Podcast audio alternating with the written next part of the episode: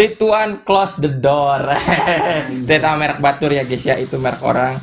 Eh, selamat pagi, siang, sore, malam yang dengerin ini eh, di podcast eh, hadir kembali hari ini. Hari ya mungkin nanti ini ya, sebenarnya ini recordnya hari Sabtu. Ya, akan diupload nanti hari Rabu kalau nggak Senin seperti biasa. Cuma kali ini eh, yang biasanya saya, Bung Chips dan Bung Firsa Beseri sekarang kedatangan tamu guys. Cuma Bung Firsanya nggak nggak datang hari ini. Bang Fajri itu lagi lagi nggak ada di Bandung, jadi kita podcast ini ada bintang tamu kali ini. Dan ini edisi spesial. Ini ngomongin pers dan juga eh, kayaknya ini lebih ahli Aduh, soal gitu bang, gitu juga. Ya, silakan memperkenalkan diri pribadi. Oke, kenalin eh, aku Gintre ya. Aku dari Unicom dan Hmm. aku teman sekelasnya Bang Alfian sih gitu. yang lebih sering dipanggil Iya. sama teman-teman sobat demos panggilannya sobat demos nih sobat demos tuh sering manggil di DM DM tuh Bung Chips Oh, Bung Chips. Iya, Oh, karena dibilangnya ya biar karena sering ngomongin politik di podcast jadi sebutnya Bung Chips katanya. Oke. Berarti saya salah ya namanya. sorry, sorry. Gak apa-apa, gak apa-apa. Dan sekarang ada juga ada rekan juga rekan sekelas yang dipinjam kamarnya. Ada Bung Anam eh, di sini jadi penonton. Juragan beras eh juragan beras. Ya, dia juragan beras suka mandi guys. Nanti Ya, kalau mandi. misalkan ada beras mau beli beras bisa ke toko Anam. Iya, enggak Ya. kayak Adit Garabag ya yang nggak suka mandi gitu. juga sahanya ya di Garabag Pasti, pasti pemirsa tahu yang sering nonton TikTok tentang Adit Garabag. Adit Garabag. Nah, jadi mungkin langsung mulai nih kita ngobrol-ngobrol santai, we nya sabari ngarokok, sabari yang ngopi-ngopi, minum es, minum es. Sambil selot-selot. Sambil selot-selot, itu mah kayak bahasanya kita itu sambil fun kok ngobrol-ngobrolnya biasa kita. Ya, guys, ya? Iya, dan ini biasanya kan kita itu nge-record sampai 40 menit sampai satu jam. Itu Oh, wow. wah, maksim batas maksimalnya dan banyak yang dengerin sampai selesai kalau di di podcast. Karena emang kayak gini kan sistemnya ngobrol aja, ngobrol asik gitu. Sebenarnya eh orang kita kan ngobrolin agak berat ya tematiknya. Atau ngobrolin kebahagiaan tiba-tiba ini ngomongin pers. Sebenarnya pers itu apa, Bang? Eh, Bang nih. secara menurut pribadi atau gimana nih? Ya boleh pribadi maupun ahli diasupin gitu bebas ya. Aduh, kalau menurut para ahli saya lupa ya. Tapi Eh, kalau menurut saya pribadi, pers itu merupakan dasi bisa semena-mena. Jadi kesimpulannya eh, pers itu merupakan sebuah media ataupun Hmm. eh, penyampai informasi dari kalangan bisa dibilang intelektual mahasiswa ataupun Birokrat. dari birokrat ataupun masyarakat Birokrat, lah lebih masyarakat, umumnya iya. gitu lebih luasnya kayak Siap, gitu siap. Itu Dan- menurut pendapat pribadi ya Ya, kalau secara ahlinya Ahli mungkin lebih baca sendiri lah. Ah, baca sendiri lah lebih ada Google ya teman-teman. banyak lah gitu itu Ya, pendapat isi otak aja. kalian Google udah ada. Jadi Iya. ini podcast hanya untuk eh, non memotivasi pendapat teman. lah gitu ya, Ya, dan ini juga adalah kan sama kayak nan temen di bahasa komunikasinya mah perangsang. Iya. Biar nanti masuk ke yang lain gitu pembahasannya. Nah, sebenarnya kan kalau kita ngomongin pers, lika-liku pers sendiri nih ya, di pers dan ini biasanya eh sebenarnya lebih enak nyebut wartawan atau jurnalis sih sebenarnya. Dan ini kan ada kalau misalnya kita nyebut wartawan tuh akhir-akhir ini ada konotasi negatif di masyarakat gitu. Sebenarnya nah, untuk labeling sendiri deh dari penyebutan nama sekarang lebih enak pers atau disebut jurnalis atau si wartawan atau pewarta deh. kalau menurut aku pribadi ya pandangan aku pribadi lebih enak jurnalis gitu dibanding dengan wartawan gitu kalau kalau disebut pers pers itu bukan orang itu. yang apa ya bukan orangnya pers itu Itu tapi lembaga- lembaganya lembaga pers itu institusi iya. gitu ya, iya institusinya. gitu.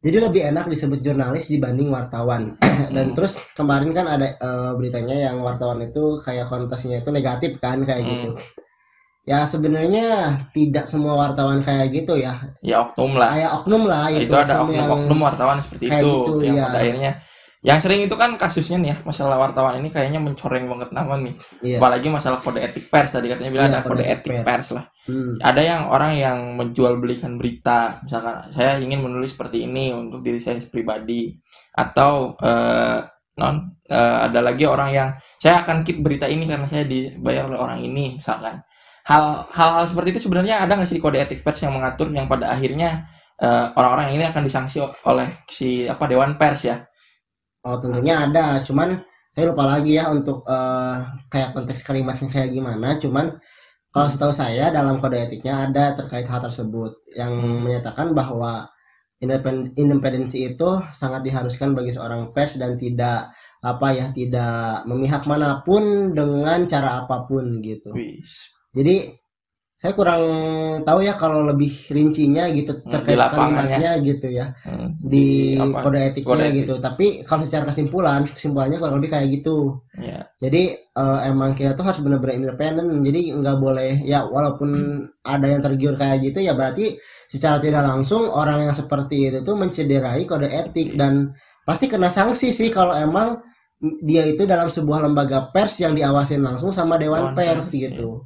Biasanya biasanya yang setahu saya gitu kalau misalkan eh lembaga pers tersebut ada salah satu orang yang bermasalah yang mencederai kode etik jurnalistik itu nanti bakal kena sanksi entah itu bisa berupa eh apa ya pemberhentian dari anggota pers Pers. tersebut ataupun mungkin bahkan eh pemberhentian instansinya gitu ataupun Iya. lembaga persnya.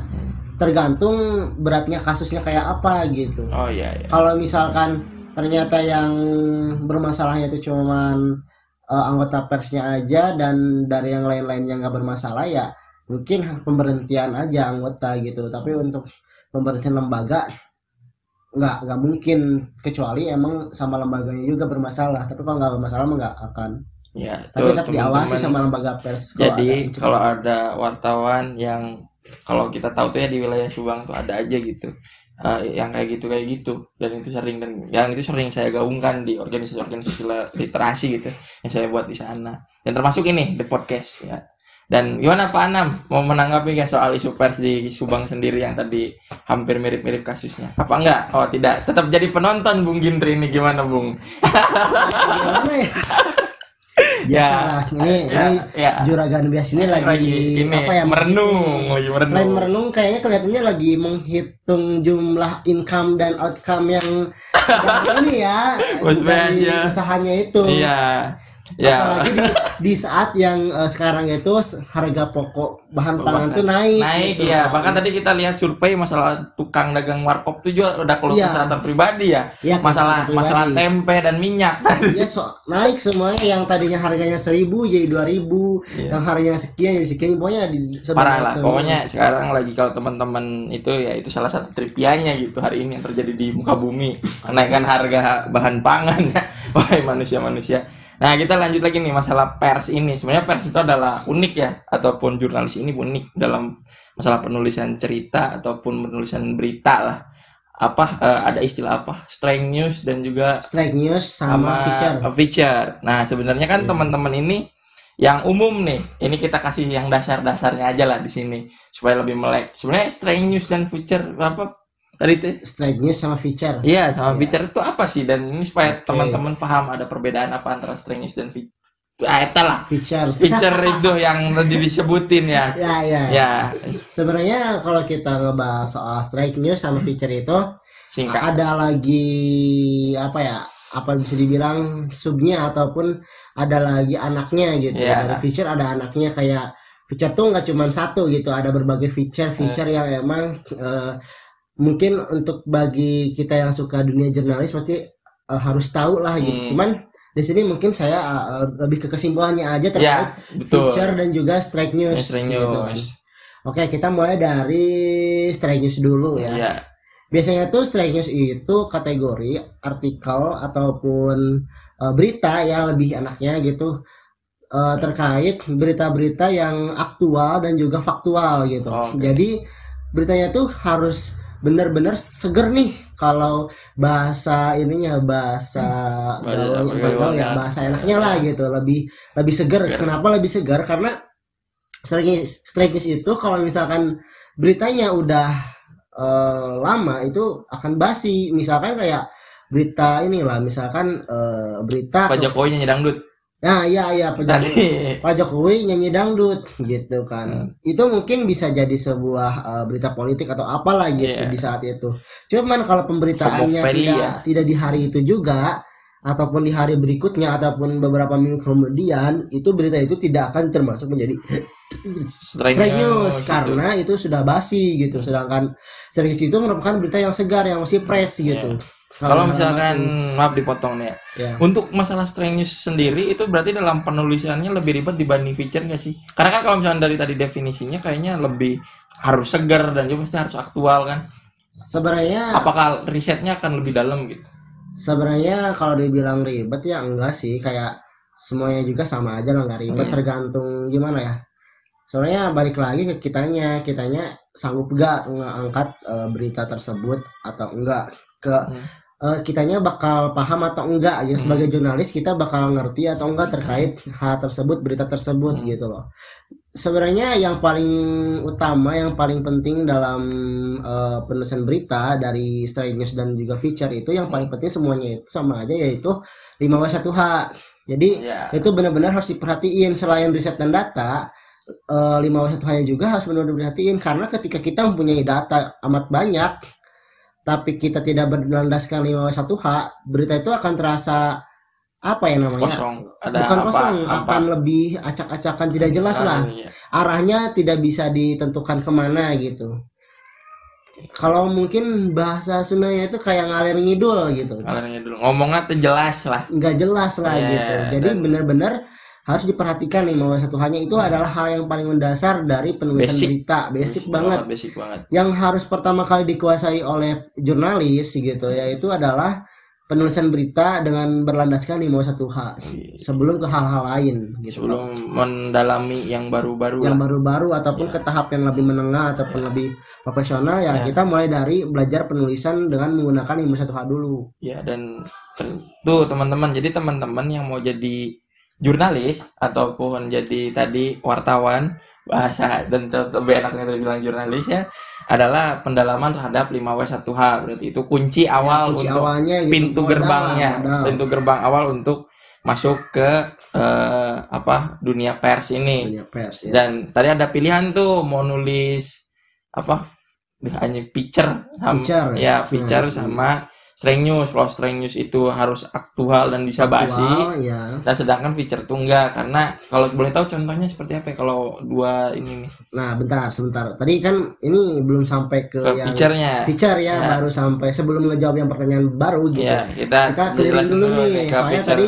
yang aku bahas tuh di strategis itu baru sampai aktualnya, belum sampai Aktualnya. faktual. ya Nah, tadi yang dikatain Bang Chip gitu kan Ya. terkait eh, harus ada riset dan lain-lain. Hmm. Nah, itu kan yang termasuk faktual gitu kan. Jadi benar-benar harus sesuai fakta yang ada berdasarkan data yang emang udah jelas narasumbernya siapa dan benar-benar valid gitu datanya Hmm, itu enggak valid. enggak, enggak asal-asalan ngedenger katanya katanya tanpa ada Hmm. bukti yang jelas gitu. ya Jadi benar-benar kudu kudu guys valid, kudu lain bener lain gitu. telem lain palid Lain telem ya. kayak kade ya Kudu karena saya ya, orang lagi, sudah ya. nggak ada palid cina Iya. kayak kudu telem cina wah ya palid di dia artinya itu jelas ya Mm. nah gitu Sumbernya jelas lah gitu. ya lanjut bang Nah. Kita ini Lalu untuk eh, feature gitu ya. Lanjut tadi kan strategis kayak gitu ya aktual dan faktual. ya.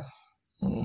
Kalau feature itu lebih kalau dibilang aktual nggak harus. Tapi bukan berarti nggak bisa ya. Bisa aja Hmm. eh, feature itu aktual gitu. Cuman nggak wajib gitu. Tapi bisa lah gitu. Hmm. Terus kalau dari segi faktualnya ya sebenarnya sama aja kayak aktual nggak wajib tapi kalau mau faktual juga nggak apa-apa Hmm. Cuman mungkin perbedaannya itu antara striking sama feature itu kalau dari segi bahasanya itu kalau misalkan eh, gaya bahasa lah gitu. Ya, ada- diksi-diksi yang Ah, digunakan. diksi-diksi yang digunakan itu kalau di eh, apa ya striking itu lebih formal bahasanya lebih baku gitu dibanding dengan eh, feature. Karena feature itu lebih dominan menggunakan gaya bahasa ataupun diksi-diksi yang emang lebih yang sering kita biasa dalam komunikasi sehari pakai-pakai gitu Hmm. jadi yang nggak terlalu baku lah gitu ya dan gitu in berarti nggak terlalu formal dan nyari diksi-diksi Ya. atau bahasa populis lah bahasa Ya. inteleknya ya iya betul di bahasa intelektual yang populis. penting itu dalam eh, apa namanya feature itu eh, bisa mudah dipahami sama pembaca lah Iya. gitu minimal bahasanya itu jangan sampai menggunakan bahasa yang emang tidak dimengerti sama orang lain ya ataupun bahasa membaca bahasa gitu. planet Mars gitu ya, Ya, bahasa bahasa kayak- alien Kayak gitu bahasa-bahasa buaya ya.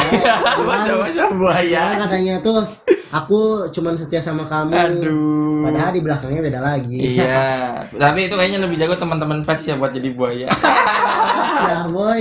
Enggak. enggak. Kita- diksinya banyak kayaknya Iya, produk diksi gitu lah pokoknya. produk diksi ya Oke, jadi itu teman-teman tadi feature itu dari segi bahasa dan semoga teman-teman mengerti lah tadi apa yang dijelasin Pak Gindri ya soal masalah setelah Bapak dong. Eh, iya dong. Kan ini belajar pers saya lagi belajar. Enggak saya juga saya juga masih belajar sih ya. Sorry sorry. Ya. Tadi kan dijelasin tuh yang di sini supaya lebih jelas lagi ya strength news itu dari segi bahasa penggunaan bahasanya lebih formal sedangkan Hmm. feature itu tidak terlalu formal dalam Formal, pembahasannya.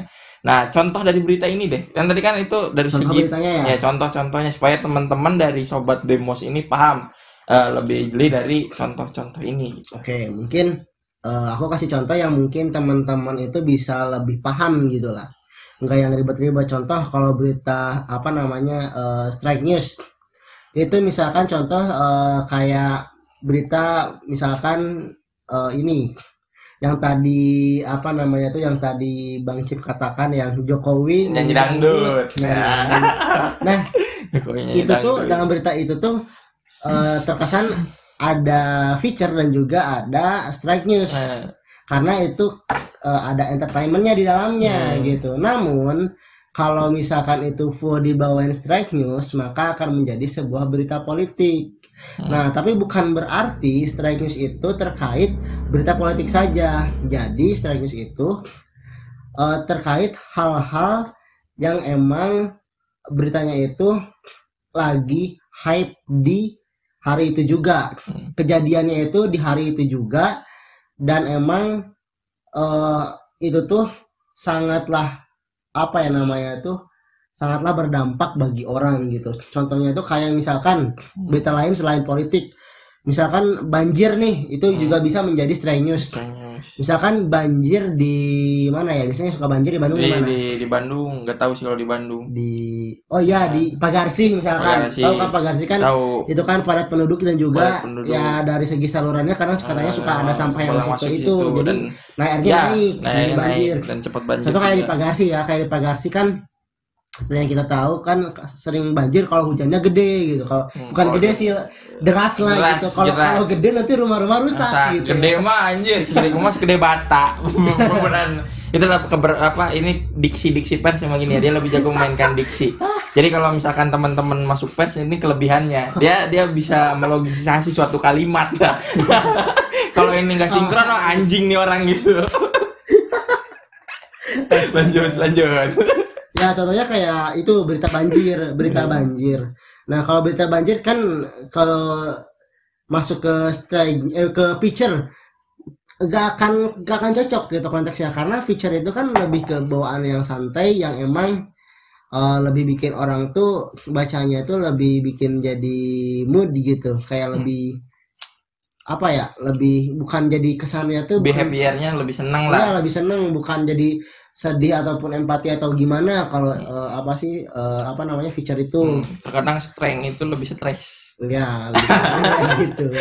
Jadi kalau news itu kayak lebih ke berita-berita yang kesannya itu konteksnya itu nggak terlalu apa ya nggak terlalu kayak feature yang menghibur gitu. Kayak lebih berita-berita yang emang eh, aktualnya itu yang terjadi gitu di saat itu juga kayak contohnya itu selain banjir juga kayak misalkan kemarin nih yang baru-baru itu yang mudik yang mudik lebaran. Mm-mm. itu juga termasuk strike news. Strength news. Soalnya kan itu reportnya juga di hari itu juga di saat macet itu Wah, juga. kejadiannya juga pas prak jadi iya ada. kan itu kalau misalkan kayak macet mudik lebaran kan nggak mungkin ke feature. Iya. Karena kesannya itu eh, bukan happy gitu. Nanti nanti sedih ya yang dengerin. Sedih "Ih, gitu kan. Kok malah bikin wartawannya malah bikin gini pewartanya ya. Iya. orang lagi sedih kok di kayak kata diksi-diksi bahagia Se- nggak canda-canda teman-teman. Nih bang Cip eh, gini aja deh. Gue mau, mau tanya nih ke bang Cip. Gimana rasanya kalau bang Cip mudik terus kejebak macet yang amat panjang sampai nginep di situ? Rasanya gimana sebenarnya kan mumet ya tapi karena kalau momentum lebaran beda beda beda cerita lah agak Iya. ada senengnya Ada senengnya, ada ya. mumetnya kan Tapi kan kalau udah beres lebaran mau mudik bala, mudik lagi balik terus macet sampai kejebak satu hari dua hari di jalan itu gimana lo rasanya? mumet karena mau kerja Mumet. ataupun mau kuliah kan Ataupun kepentingan yang emang lebih penting, penting ya. kan iya Nah pasti ketika itu misalkan eh, Bang Cip ini ketika merasakan hal seperti itu Hmm. lalu Bang Cip melihat ada berita yang eh, meliput di tempat Bang Cip tersebut Hmm. lalu menulisnya dengan eh, apa Gaya sih dengan gaya feature. feature.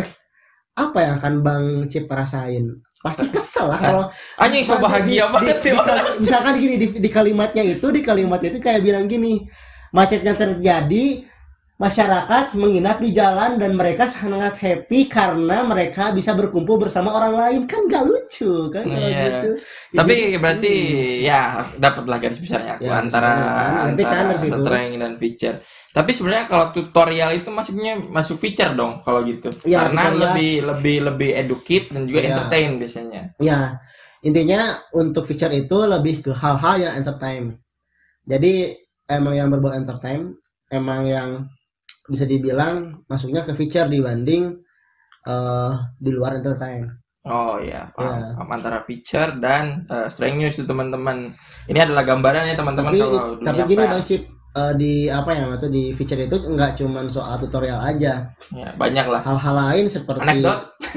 anekdot juga bisa kayak balik lagi sih tergantung konteksnya apa gitu ya Hmm. dibahasnya nggak cuman sekedar anekdot aja yang dipublish gitu misalkan kayak eh, kayak ini berita tentang misalkan ini eh, ini teman SD saya namanya tuh Khairul Anam Ya, Ya dia itu dulu waktu SD itu eh, apa namanya juara lomba tag yang membacakan ataupun membuat tag anekdot misalkan. Ya. Nah itu bisa tuh diberitain itu di feature. ya feature termasuknya gitu karena itu kan entertain gitu. Ya, Dan juga gimana ya pembah pemba- apa sih pembahasannya juga nggak terlalu formal juga kan kalau itu. ya. Dan ada dua poin nih teman-teman yang aku tangkap dari Bung Gindri. Yaitu adalah masalah strength news itu berarti beritanya gampang basi ya. Berarti Iya. kalau di strength ya, jadi karena kan harus hari hari harus up kalau nggak nggak up itu nggak hari H juga sih. misalkan satu kali hari- 24 jam. Nah, gitu. satu kali 24 jam gitu. Kalau enggak ya itu mati. Sedangkan feature ini beritanya bisa jadi bahan simpenan untuk Iya. directory di, di upload kapan pun tetap sa- seru. intinya tadi kan agak berbelit ya soal soal feature dan juga strike news. Hmm.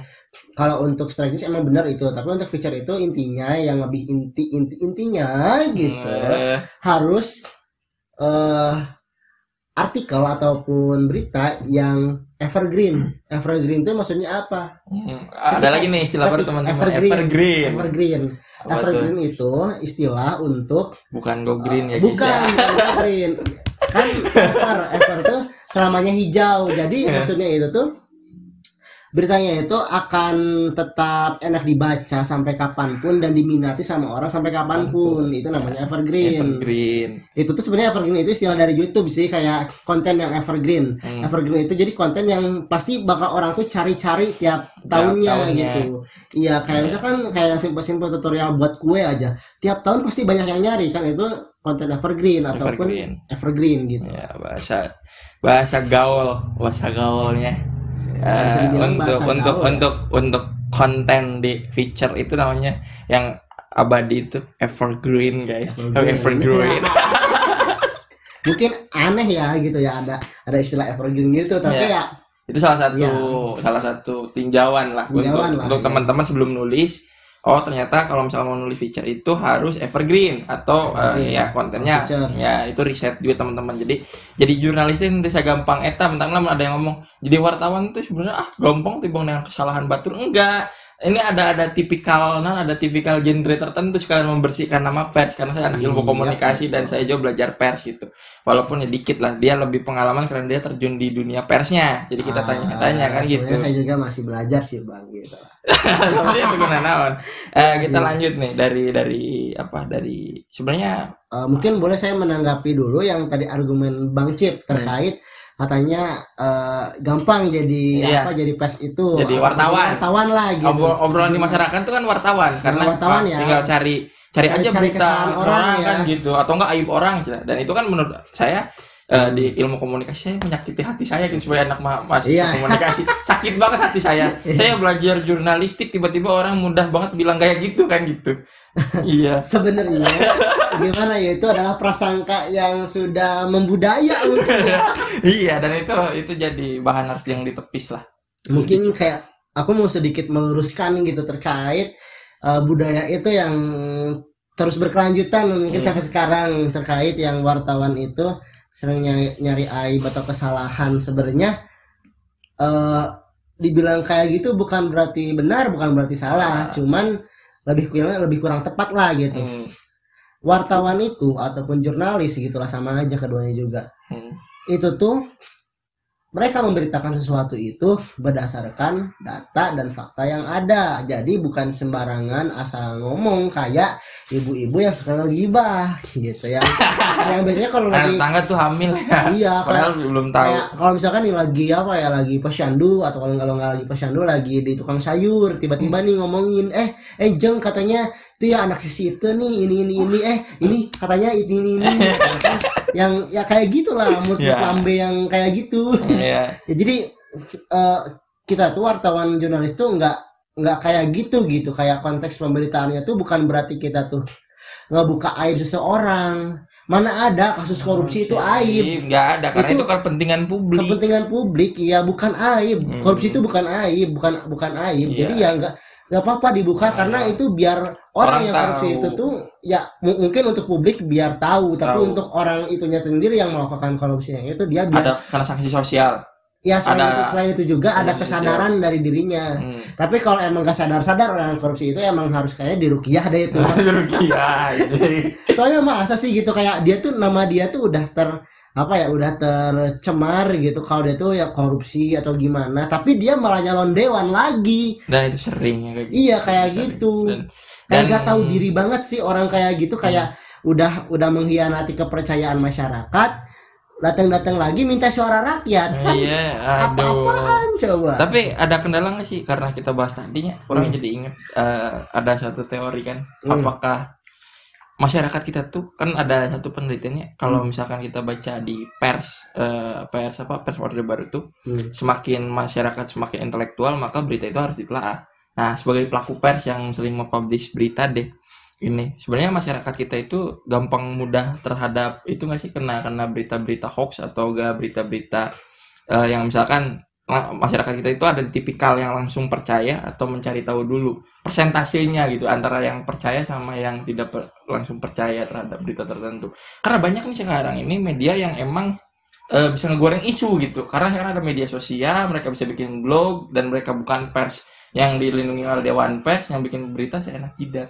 Banyak kan kayak gitu kan ya? Hmm, oke oke Ah, mungkin ya serius ya ibu bahasa jadi serius. Nah asik tadinya mancing sih itu ya sih kalau kalau udah bahas soal kayak gini bawaan tuh dari pengen bencana jadi gerget jadi pengen jadi asup kadinya Serius. jadi asup kadinya jenet nah jadi kalau eh, antara menggoreng berita dan juga hoax Hmm. itu tuh sebuah persamaan namun tidak sama gitu. Ya kenapa bisa kayak gitu?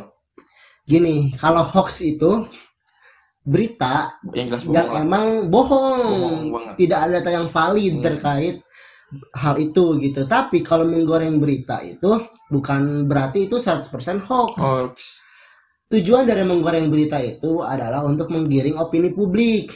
Misalkan mungkin eh, Bang Cip sering nih eh, mendengar eh, berita yang digoreng itu dengan judul kayak gini eh, misalkan eh, apa ya contohnya kayak misalkan Jokowi ini turun ke gorong-gorong Ah. ternyata ini ini ini ini misalkan kayak gitu Iya. intinya judul-judul Ada yang bikin kayak judul-judul- clickbait lah gitu ada ada trigger ya, kan Iya, trigger trigger. secara psikologis untuk ah menarik ya, iya, itu untuk menarik. menarik gitu dan juga secara opini publik pun itu akan terkontrol ketika itu berita jelek kan Iya, Ah, kayak gitu. Hmm.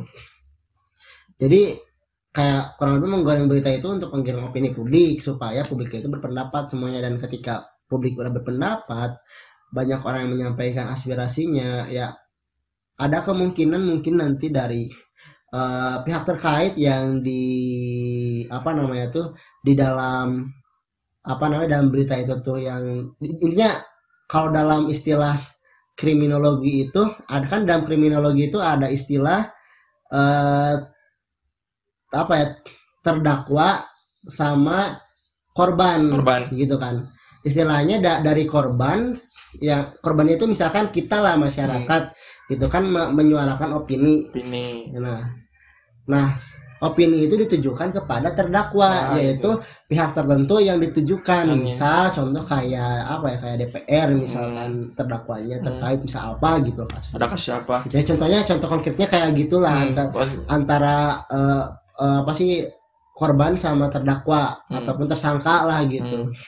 Berarti pers karena bisa menggiring opini, pantas banyak juga pers yang masuk ke dalam eh, pers partisan.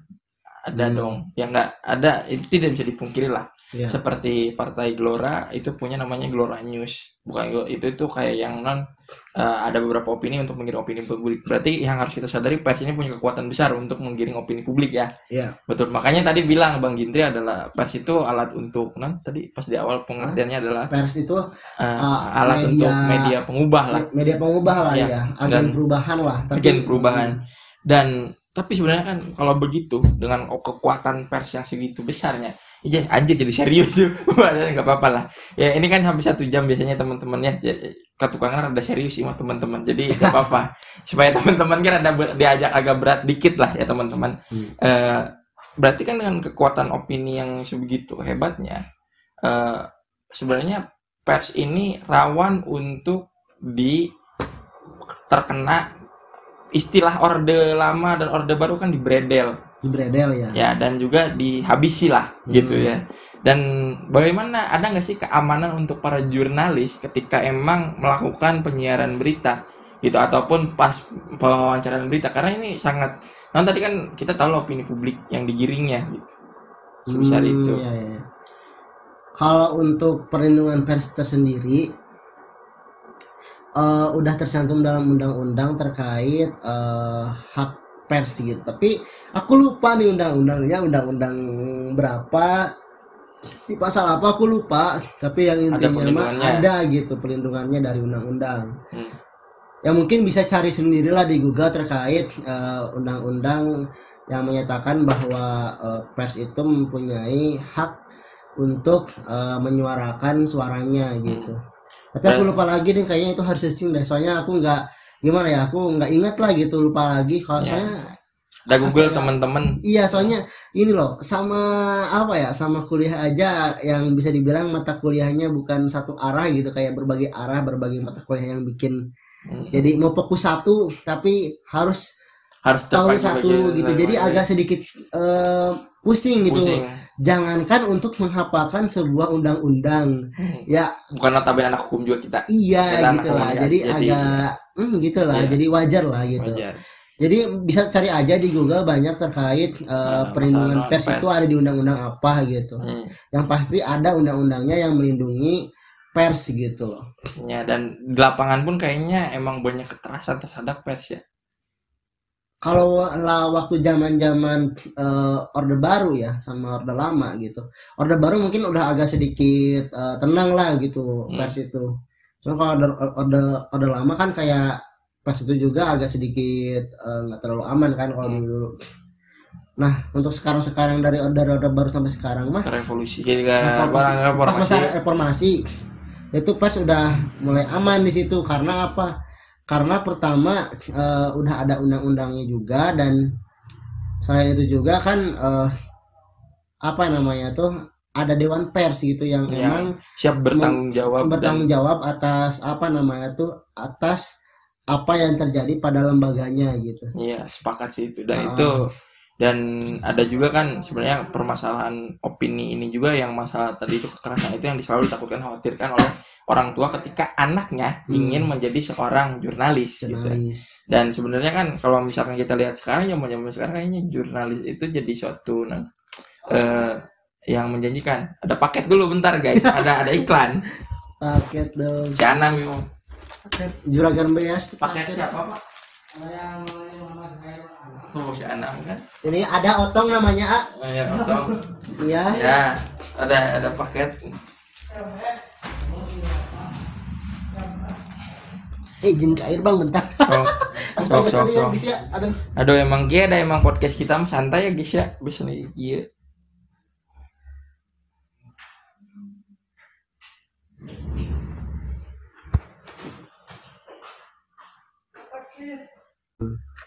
Nah, oke kita lanjut ya guys ya. Tadi iklan ada iklan. Kita ngomongin pers tadi nyampe ngomongin perlindungan pers.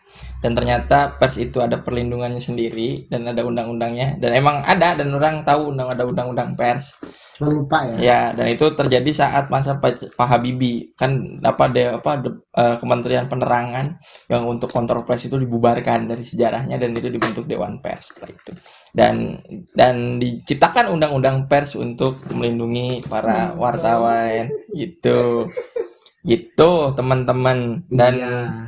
kalau kita lanjut lebih jauh tentang pers eh, sebenarnya eh, untuk pers sendiri ya di di di untuk menjadi pers dan bisa ikut dalam suatu lembaga pers itu sebenarnya adalah gimana caranya gitu untuk masuk ke sebuah lembaga pers atau Untuk ikut masuk ke lembaga pers ya. ya maksudnya tuh untuk jadi si jurnalis itu gitu dan Oh, yang jadi pengen jadi jurnalis kan sebenarnya kan ada beberapa organisasi masyarakat atau ormasnya itu Hmm. punya apa pers masing-masing dan itu bukan non profit biasanya pers-pers ini gitu dan kalau itu saya tahu caranya gitu. Tapi bisa nggak sih warga sipil biasa mendaftar untuk menjadi suatu seorang jurnalis dan punya media? Gitu. Oke, kalau untuk eh, ruang lingkupnya masyarakat agak terlalu luas ya. Kalau soalnya kan saya emang mahasiswa. bergeraknya itu ataupun ruang lingkupnya itu adalah di eh, mahasiswa Aduh, gitu ya. tumpah guys. Ya nggak apa-apa lah. Jadi ya kalau di mahasiswa deh. Oh di mahasiswa tuh secara pengalaman secara pengalaman tentunya eh, tidak harus kita tuh punya pengalaman jadi wartawan ataupun jurnalis sebelumnya. Yang penting kita tuh ada ketertarikan ataupun apa ya suka lah minimal gitu. Suka yang dengan yang namanya sastra dan juga eh, apa membaca lah gitu. Hmm, itu kayak modal awalan untuk eh, sebelum bergabung lah gitu. Hmm. kenapa harus ada suka sama sastra sa- dan juga eh, membaca gitu karena itu modal utama gitu untuk ke depannya bergelut di bidang jurnalis jurnalis Nah, tapi di sini mungkin klarifikasi dulu nih.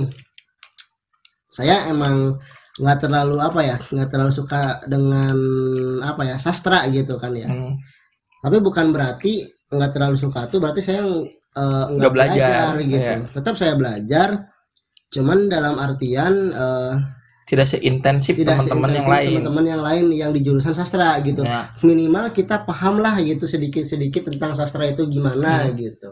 Dan Nggak, nggak, nggak harus mendalami banget kok gitu. hmm, jadi pers tapi Hmm, keuntungan jadi pers itu ada yang keren Bray apaan? ini mah biar teman-teman tahu punya kartu pers itu itu kartu Ya. sakti guys Oh, apa ya?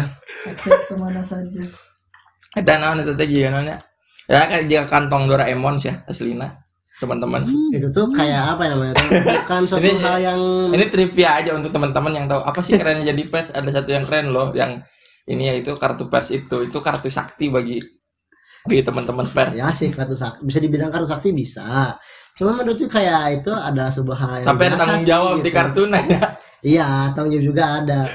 Ya. itu bukan kartu Ya, main-main loh. mungkin kayak ya itu spesialnya mungkin ya dapat kartu pers kartu keanggotaan kayak ibaratin ini aja kayak contohnya kita tinggal di Indonesia dapat KTP gitu Hmm. kurang lebih kayak gitu cuman bedanya kalau kartu pers itu eh, punya keistimewaannya itu adalah kalau misalkan kita mau liputan ya. liputan dan seperti kalian tahu kan misalkan eh, kalau ada aksi gitu demo lah kayak gitu so kan suka ada koordinator lapangan kan yang mengatur korlap eh, korlap jalan agar si pendemo itu atau peng- yang aksinya itu bisa lewat tanpa banyak motor dan mobil itu kan eh, korlap itu yang mengatur jalan raya supaya mobil itu dialihkan ke mana motor itu ke mana Hmm. gitu kan nah ketika ada kartu pers kita bisa menerobos tuh korlap itu dengan cara menunjukkan kartu pers Tapi Ya. dengan alasan untuk liputan ya Nah, ya, teman-teman. untuk liputan bukan alasan Alah, biar bukan untuk Eh, pakai pers hanya untuk karena ah aku macet ah karena aku Eh. ada ini nggak bisa. nggak bisa kayak gitu Gitu, juga itu itu ada sih. fungsinya gitu. Jadi Iya. bukan mainan ya. Ini mah Iya. ya sangkanya mainan ya gabung ah biar dapat kartu pers biar gak dapat gak, gak macet gitu. Ah, itu yang bahaya. Soalnya nanti biasanya ya kalau misalkan kita udah nunjukin eh, kartu pers ke korlap dan pas di lokasinya itu korlap tidak melihat kita, Di tangan mana. nanti nanti kalau kalau korlap yang emang sensitif orangnya bakal kayak sedikit mempermasalahkan hal tersebut. Mm-mm. Jadi Pasti. hati-hati sih gitu. Tapi bukan berarti emang setiap korlapnya pasti kayak gitu. Ya tergantung lagi balik lagi korlapnya. Kalau emang korlapnya sensitif terkait hal tersebut ya mungkin bisa aja kayak gitu. Ya. Tapi kalau enggak ya mungkin ya, biasa-biasa aja sih. Biasa-biasa gitu. aja. Ya tapi himbauan aja kalau nanti kalian masuk jadi eh, jurnalis gitu ke lembaga pers mana pun ketika dapat kartu anggota ataupun kartu Hmm. pers gitu Jangan buat jangan negatif. disalahgunakan lah gitu dibuat gunakanlah untuk keperluannya seperlunya aja gitu keperluan-keperluan yang emang berhubungan dengan tugas dan tanggung jawab teman-teman. ya itu Walaupun ada kespesialan di kartu tersebut, misalkan saya tapi nggak ada duitnya ya, ya itu salah satu alasan orang tua saya tidak mengizinkan saya masuk pers karena itu tidak ada duitnya ya tidak ada duitnya. sebenarnya Dan saya mendalami komunikasi politik yang diajarin sama dosen. Ya, mana mana sarua wae lah. tadi mana mana Iya, oh berarti yang iya iya nah, sate nona. iya tusukkan mana Tusuk. ngirain Hmm. sote aja Hah? hmm. Itu. Eh, non tadi tadi iklan lagi ya guys ya Eh, saya itu lebih dal- mendalami komunikasi politik. Jadi kalau misalkan ngomongin pepolitikan rada nyambung dah gitu. Tapi kalau udah ngomongin pers ini kan pengundang Gintri tadi adalah setidaknya teman-teman basic dapat basic dasar masalah soal pers tadi gitu. Dan ini kan waktunya biasanya kita 40 sampai 50 menit nih dan ini sudah hampir eh, beres. Dan mungkin ada kata-kata untuk teman-teman yang akan mau masuk pers gitu sebelum ditutup. Hmm, oke kata-kata ya. Eh, untuk teman-teman yang pengen masuk pers atau menjadi jurnalis gitu di sebuah lembaga pers, teman-teman harus bisa konsisten dan juga eh, rajin belajar dan jangan pernah eh, teman-teman berhenti untuk membaca sesuatu hal sebelum teman-teman bertindak. Hmm. Maksudnya di sini teman-teman jangan sembrono kalau jadi pers itu. Jadi benar-benar harus dipikir-pikir dulu sebelum bertindak karena salah salah satu langkah aja teman-teman melangkah. Di situ teman-teman akan kena imbasnya. ya Gitulah mungkin gitu ya menulislah maka aku ada bermenulislah karena jika kau ingin menjadi pemimpin hebat Aristoteles maka menulislah jika kamu ingin menjadi pemimpin dan juga dikenal dunia maka menulis dan berpikirlah. Cek Mahbub Junaidi jurnalis senior. Jadi itu mungkin eh, sekian dari demos kali ini seri pers. Dan seri spesial karena undang tamu dari lembaga asli pers itunya. Dan penulis asli de- dan juga menulis di berita asli. Dan kalau misalkan teman-teman mau eh, baca berita-berita dari Gintri bisa kunjungi di Birama Eh, Instagram berapa? persbirama.unicom.ac.id ataupun Instagram persbirama. Nah, bisa datang ke IG-nya Pers Birama teman-teman. Iya. Nah, nanti di sana bisa ada berita-berita hasil Gintri dan juga ya Teman-teman yang lain. Iya. Ya, gitu teman-teman. Makasih udah mau dengerin ke itu dia biasa teman-teman. Untuk kesimpulannya mah ya simpulin sendiri lemon di dia mah di, podcast mah. ya Ya, karena saya nggak tahu mana yang penting buat teman-teman kan tadi. dan juga tolong ya disaring juga tadi apa yang kita sampaikan gitu. karena ada beberapa mungkin kalimat yang ba- bagi teman-teman mungkin sensitif tapi bagi kita tadi ngerasanya kayaknya enggak tapi gak tahu kalau teman-teman sensitif atau enggak. Jadi ya kalau ada yang kayak gitu ya mungkin disaring aja. Ya, kalaupun teman-teman merasa tersinggung ya mohon dimaafkan. Ya, ini hanya sekedar opini ya teman-teman. Eh, ya, opini. kalau opini itu eh, bebas hmm, Ya cuman bukan berarti saya tidak bertanggung jawabkan, tapi Hmm. kalau emang ada yang keberatan terkait apa yang saya opinikan, Tinggal DM aja. yang ada yang aja sih. Nanti saya Ada. jelaskan kalau emang teman-teman merasa tidak enak, mungkin nanti saya akan klarifikasi tentang apa yang saya ucapkan. Ya. gitu ya. Intinya kita sama-sama belajar Ya. dan kalau ada kesalahan itu ya manusiawi ya, manusia itu tempatnya Yang salah. ya. ya. Iya. Itu. Oke, gitu teman-teman. Seperti biasa kata-kata emas dari Demagog adalah jangan lapor polisi, tapi DM aja kita diskusi. gitu aja. Wassalamualaikum warahmatullahi wabarakatuh.